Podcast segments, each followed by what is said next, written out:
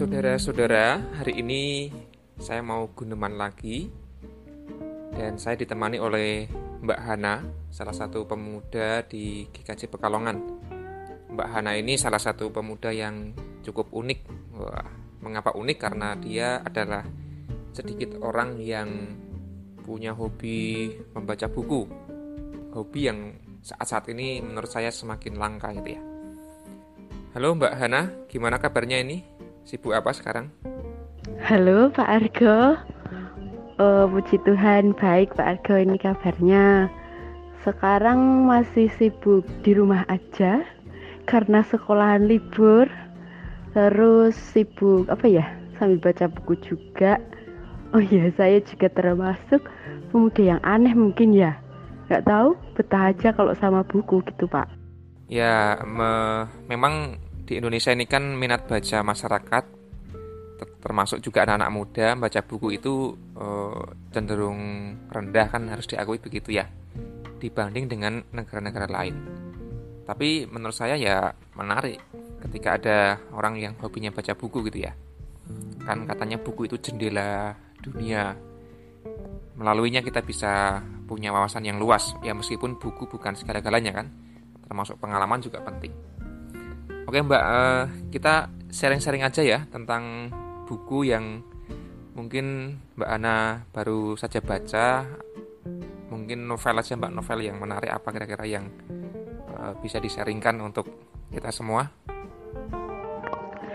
Sebenarnya sih banyak ya Pak novel yang bagus. Mungkin Pak Argo juga lebih banyak tahu lah tentang novel yang bagus yang mana.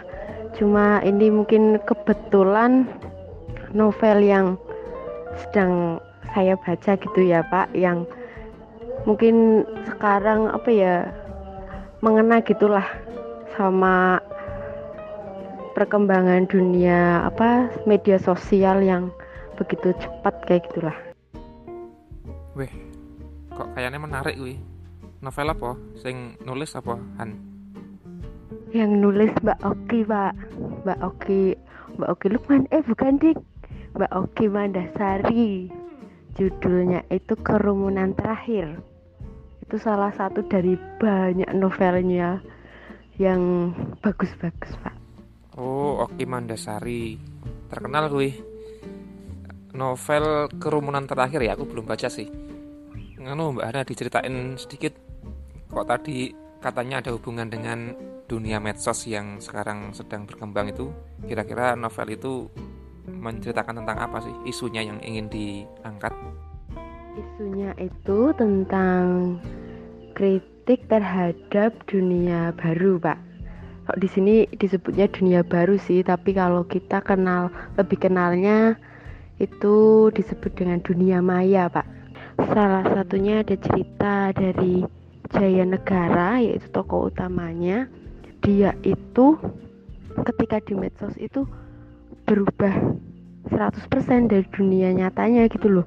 Dia bikin cerita sendiri sesuai dengan apa yang dia inginkan yang padahal itu sama sekali nggak terjadi di dunia nyatanya gitu loh. E, masyarakat dunia maya itu malah percaya dengan jaya yang baru gitu loh yang dinamai mata jaya kalau di dunia mayanya gitu. Terus dia ngarang-ngarang cerita gitu tentang apa ya seolah-olah dia itu berhasil lah gitu loh. Dia itu menjadi orang yang berdaya gitu orang yang menang kayak gitu. Melawan apa ya? Melawan keluarganya melawan ayahnya melawan hal-hal yang tidak dia sukai selama hidup di dunia nyata ini. Dia pakai identitas palsu yang ia gunakan untuk kenalan sama banyak orang dan bahkan dia itu malah meng mengekor gitu loh suara yang paling kuat yang ada di dunia maya.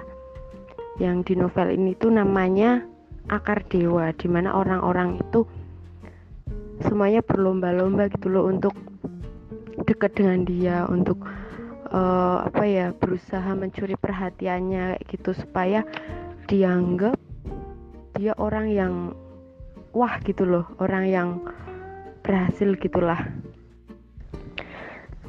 Nah, hal ini juga menunjukkan bahwa di dunia maya itu kita dinilai dari apa yang kita katakan dan apa yang kita tampilkan.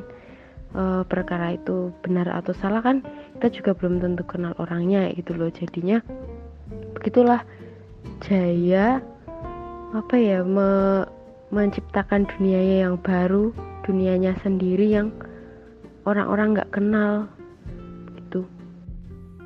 Oke, jadi dalam banyak uh, realitas memang uh, banyak orang ketika bermain medsos di dunia maya itu menampilkan sosok yang berbeda dari dunia nyata gitu ya nggak tahu mungkin secara psikologis itu adalah upaya untuk seorang itu ingin menjadi sosok yang dia inginkan tapi karena nggak bisa terjadi di dunia nyata maka kemudian ya diekspresikan di dunia maya kan begitu ya kan ada banyak tuh eh, orang-orang yang mencitrakan dirinya berbeda dengan apa yang terjadi sesungguhnya di dunia nyata. Aku nggak tahu apakah ini justru adalah sebagai salah satu manfaat media sosial dalam arti begini. Justru dengan medsos seseorang itu bisa tampil dengan bebas. Aku bisa tampil apa yang aku inginkan, bisa menjadi diri sendiri kadang-kadang kalau di dunia nyata malah nggak bisa karena aku harus ikut dan patuh pada apa aturan-aturan kebiasaan-kebiasaan atau bahkan aku menjadi korban kekerasan dari keluarga dari masyarakat aku nggak bisa tampil apa adanya nah medsos menyediakan ruang bagiku untuk tampil Nah, barangkali dari sisi psikologis itu bisa menolong orang menjadi uh, berekspresi seperti yang dia inginkan. Ya meskipun sisi negatifnya adalah orang kemudian tampil secara palsu kan begitu ya. Orang kemudian lari dari realitas yang sesungguhnya. Medsos menjadi tempat untuk pelarian dan bahayanya adalah ya kemudian orang tidak bisa menghadapi dunia nyata dengan dengan baik kan gitu.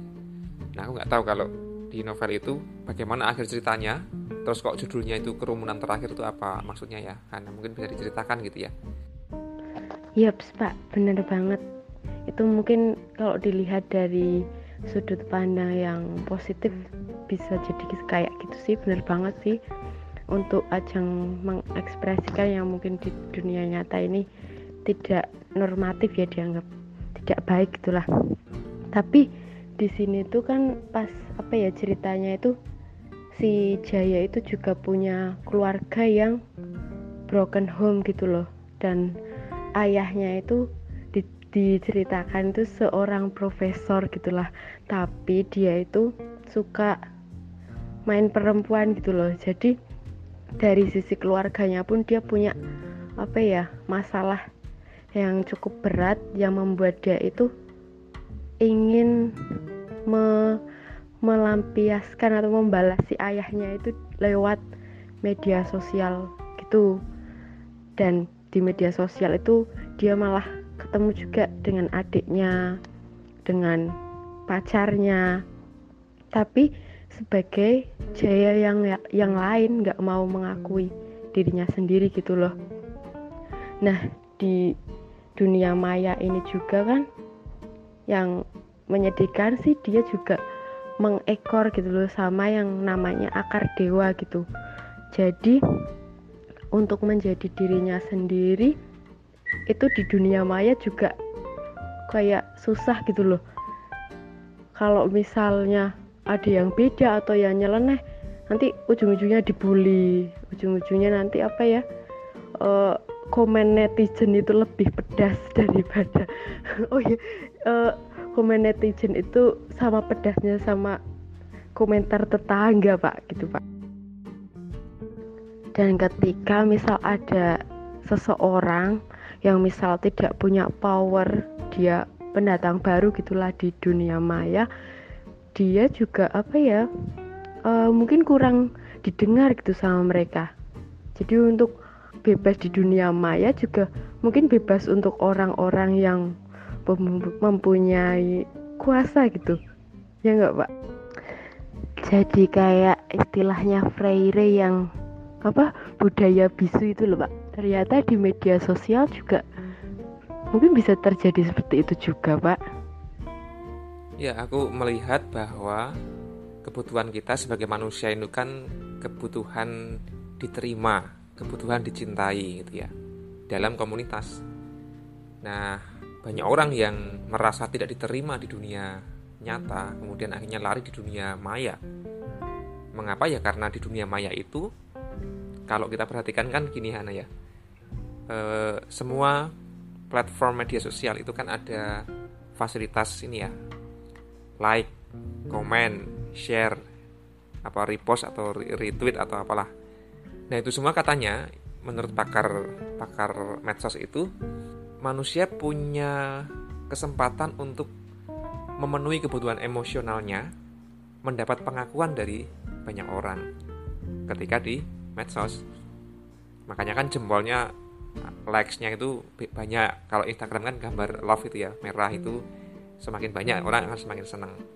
Kalau di YouTube ya subscribernya pelanggannya semakin banyak share-nya semakin banyak dilihat. Itu juga menjadi ukuran kan begitu ya. Nah itu kan menunjukkan bahwa memang orang punya kebutuhan emosional untuk diterima diakui keberadaannya. Nah, kadang-kadang memang orang terpancing untuk sekadar mencari dan mengejar followers atau likes atau komen dan sebagainya. Nah, kemudian sampai lupa pada jati dirinya itu. Itu yang pertama. Lalu yang kedua, tadi pertanyaanmu bagus tuh tentang uh, sebenarnya kita ini di media sosial apakah betul-betul mendapat pengakuan sih atau enggak sebenarnya kan begitu ya kalau di novel uh, kerumunan terakhir itu kan tadi Jaya juga tetap ikut arus kan begitu ya arus besar kalau uh, kita hubungkan dengan dunia medsos barangkali apa yang viral itu menjadi sesuatu yang diakui apa yang populer itu dianggap menjadi sesuatu yang uh, nilainya tinggi kan begitu ya makanya orang berusaha supaya viral kayak apa bagaimana ya uh, segala cara ditempuh kadang-kadang. Nah, itu kan menunjukkan tetapi bahwa sebenarnya kita tidak bisa terlalu tampil otentik gitu ya, apa adanya, natural. Karena toh banyak orang di medsos itu ya ikut selera pasar, ikut apa yang lagi ngetren, ikut apa yang lagi viral kemudian orang ikut-ikutan meniru kan gitu ya. Kalau ada orang yang postingannya itu agak beda ya biasanya dibully atau nggak dianggap nggak disukai oleh banyak orang persoalan apakah postingannya itu berkualitas apa tidak kadang-kadang diabaikan oleh para warganet gitu ya, atau netizen itu nah lalu e, sebenarnya relasi yang sehat juga belum tentu didapatkan di medsos bagaimanapun kan itu jagat maya tetap orang tetap butuh sentuhan-sentuhan fisik orang tetap butuh melihat secara langsung, mendengar suara secara langsung itu jelas berbeda. Nah, apalagi kalau di medsos itu kan kita nggak, bahkan kita bisa berkomunikasi dengan orang yang tidak pernah kita kenal di dunia nyata sebelumnya.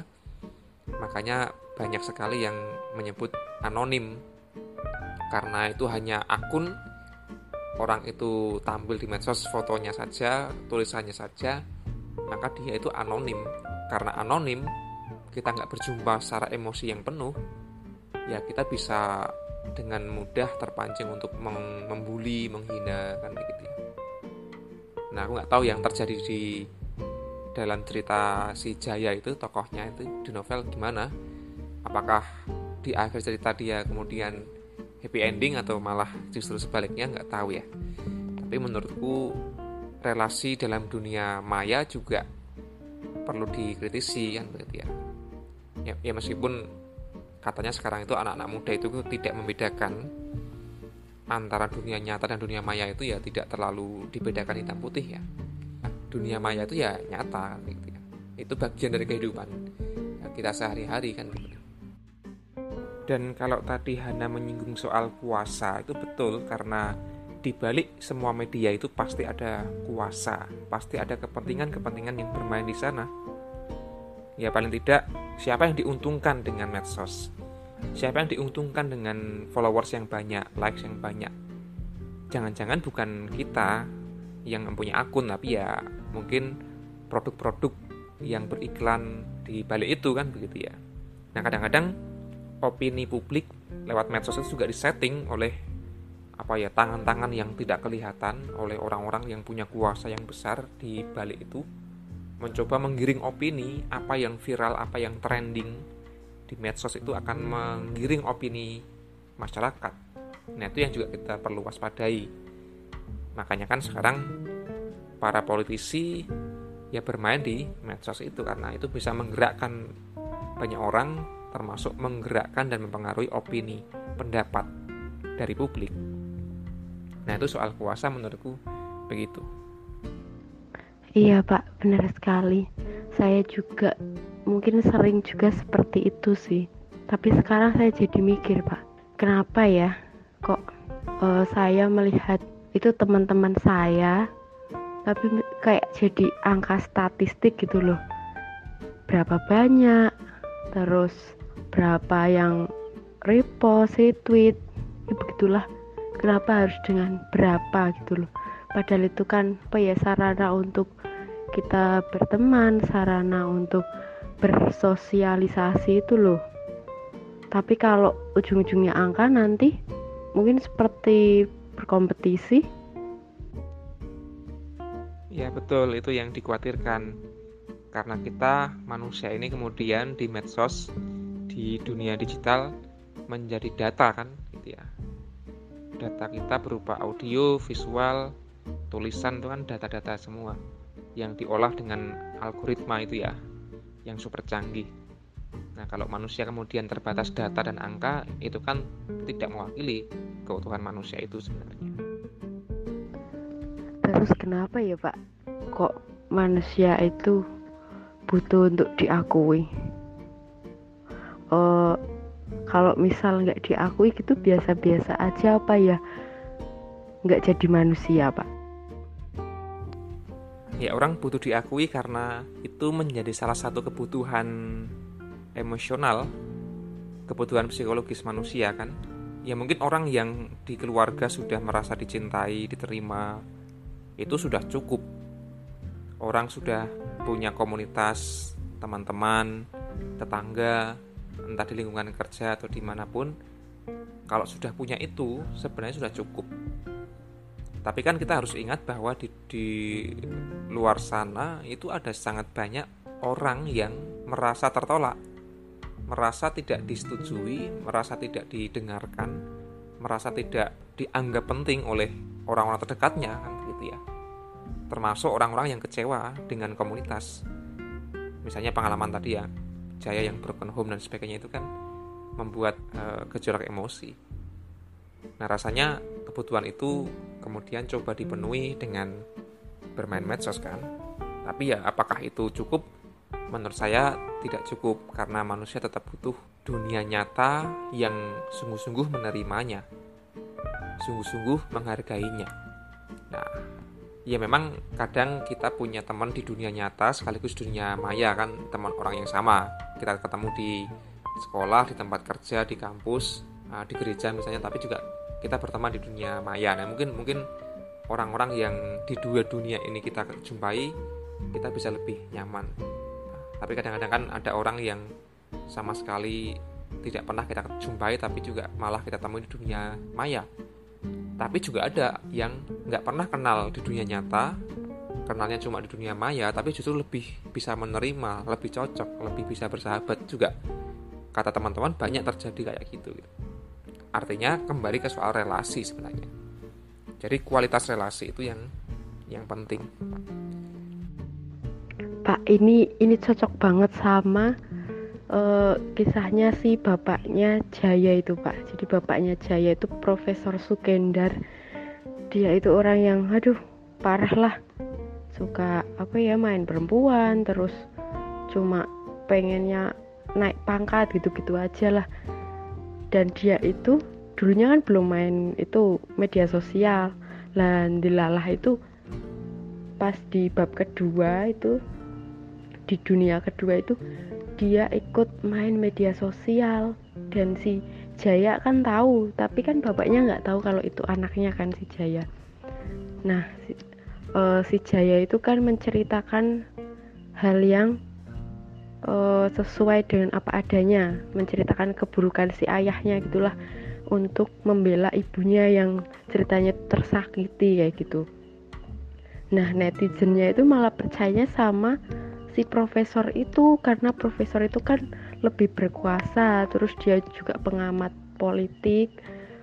Uh, pokoknya dia itu ada di mana-mana gitulah pokoknya selalu didengarkan di dunia nyata terus lewat media massa gitu-gitu dan si Jaya yo ujung-ujungnya kalah lagi walaupun apa yang disampaikan itu benar kebetulan di cerita ini itu juga di dunia Maya itu ada tokoh yang namanya Akar Dewa. Dia itu sebenarnya itu tidak seperti apa yang dia sering katakan. Akar Dewa itu sering uh, berkomentar tentang isu-isu politik, isu-isu isu-isu penting gitulah. Nah, padahal ketika ada salah satu tokoh yang namanya Nura, dia itu disuruh ketemu gitulah diajak ketemu sama akar dewa. Dan Nura itu nggak boleh ngefoto akar dewa nggak boleh ngaktifin HP sama sekali. Nah setelah dia ketemu itu ternyata akar dewa itu sosoknya beda banget gitu loh yang kelihatannya berwibawa gagah eh padahal dia itu orang yang uh, biasa aja gitulah. Pokoknya nggak nggak berwibawa nggak nggak ganteng nggak gagah yo. Malah dia itu sudah tua terus uh, punya keterbatasan gitulah. Dan rumahnya itu ternyata di desa terpencil. Dan ternyata kelakuannya pun kebalikan dari apa yang dia omongkan gitu loh. Tapi di dunia maya dia lebih dipercayai gitu daripada si Nura yang me, menge, apa ya menyampaikan hal yang sebenarnya gitu loh. Ya begitulah kadang memang kita hanya percaya pada kata-kata dan apa yang ditampilkan gitu ya pak. Tapi ngomong-ngomong Oki Mandasari kemudian mengarahkan cerita di novelnya itu ke kemanahan? Lalu apa yang apa ya pesan-pesan terselubung yang barangkali ingin disampaikan oleh uh, Oki Mandasari di novel itu? Jadi di ending ceritanya itu ternyata media sosial itu berhasil membantu si ibunya Jaya untuk mengungkapkan apa yang sebenarnya terjadi padanya dan membuat ayahnya itu nggak jadi naik pangkat pak. Jadi ya tetap aja ada positifnya gitu loh dari media maya. Lalu si pacarnya Jaya yang namanya Maira itu dia kan jadi wartawan ya Pak di Jakarta. Uh, yang main medsos duluan itu kan si Jaya. Tapi Mairanya kan nggak tahu jadi Mairanya tetap aja ngiranya Jaya itu orang yang malas orang yang eh, nggak uh, karuan gitulah nggak nggak jelas hidupnya gitu di akhir cerita itu malah Mairanya itu ketipu sama si akar dewa. Dan itu membuat Maira itu trauma habislah sama sama media sosial sampai pada akhirnya dia minta sama Jaya itu ayolah pergi ke tempat yang nggak ada media sosial nggak ada internet nggak ada HP lalu si Jaya ngajak pulang Maira ke tempat neneknya di Kulon Progo karena neneknya itu adalah juru kunci di puncak Suroloyo pak. Akhirnya mereka tinggal di sana mereka jadi orang apa ya di tempat terpencil bertani terus ya bebas lah dari gangguan internet ya gitu. Tapi pas hari pernikahannya di nikahnya ceritanya di puncak Suroloyo gitu eh habis nikah ada orang wisata datang ke situ. Ujung-ujung ujung-ujungnya itu nggak ada tempat yang sekarang nggak ada internet deh kayak gitulah. Dan mau nggak mau ya kita harus menyesuaikan untuk hidup di dunia itu. Menerima kekurangan dan kelebihannya. Terus akhirnya si Maera itu orang yang selalu memimpikan kota kehidupan di kota jadi apa ya lebih menghargai kehidupan di desa gitulah. Kehidupan neneknya Jaya yang ya nggak kenal internet dulu dan ada satu wejangan dari neneknya Jaya itu kayak gini pak. Wis lenduk urip sing ape-ape ora usah kemrungsung ora usah neko-neko. Sing penting ati ayam tentrem sing penting selamat urip neng dunyo Oke, wah ternyata menarik ya, Hana ya. Oh, jadi kita bisa belajar tentang bagaimana kita hidup di dunia nyata sekaligus dunia maya, sehingga bisa membangun relasi dengan bijak. Ya, medsos adalah realitas yang tidak perlu dianggap tabu karena memang tak terhindarkan.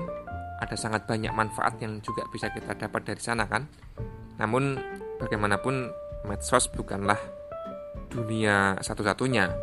Kita tetap butuh perjumpaan real, nyata, fisik antara kita dengan orang-orang terkasih di sekitar kita. Nah, rasanya itulah yang membuat hidup kita menjadi penuh. Entah dengan situasi apa pun, sebenarnya kita butuh yaitu pengakuan penerimaan itu. Dan menurutku yang penting juga adalah eh, kita perlu berani menjadi otentik. Tidak perlu apa-apa ikut selera yang lagi viral dan sebagainya itu karena kita punya identitas yang unik kan masing-masing gitu. Juga terus kritis pada medsos karena tadi itu kadang-kadang ada kuasa yang bermain di baliknya. Maka jangan kemurungsung seperti kata Simbah di tokoh novel itu ya. E, yang penting tetap berbuat baik tetap hidup baik dan ya dunia ini masih banyak orang baik yang menerima kita. Mungkin ada pesan-pesan terakhir dari Mbak Hana? Apa pelajaran penting yang didapat dari novel itu? Monggo Mbak. Iya Pak. Benar sekali itu Pak. Saya mau nambahin mungkin kita harus lebih sadar sih dengan apa yang kita lakukan di dunia maya maupun di dunia nyata sadar akan konsekuensi dan tanggung jawabnya seperti itu. Dan mungkin karena perkembangan uh, dunia digital ini pesat sekali kita juga harus pintar-pintarlah memanfaatkannya supaya tidak jadi bumerang untuk diri kita sendiri. Seperti itu. Baik saudara-saudara demikian obrolan saya dengan Mbak Hana. Belajar tentang medsos dari novel Kerumunan Terakhir yang ditulis oleh Oki Mandasari, seorang novelis terkenal yang sekarang juga banyak digandrungi oleh anak-anak muda. Dan ternyata dari novel meskipun kisah fiksi tetapi kita bisa belajar tentang sesuatu yang berharga dalam hidup kita. Oke, matenun Mbak Ana. Selamat terus membaca. Terima kasih banyak juga untuk Pak Argo yang sudah memberikan kesempatan kepada saya anak muda yang masih bau kencur ini untuk belajar bicara.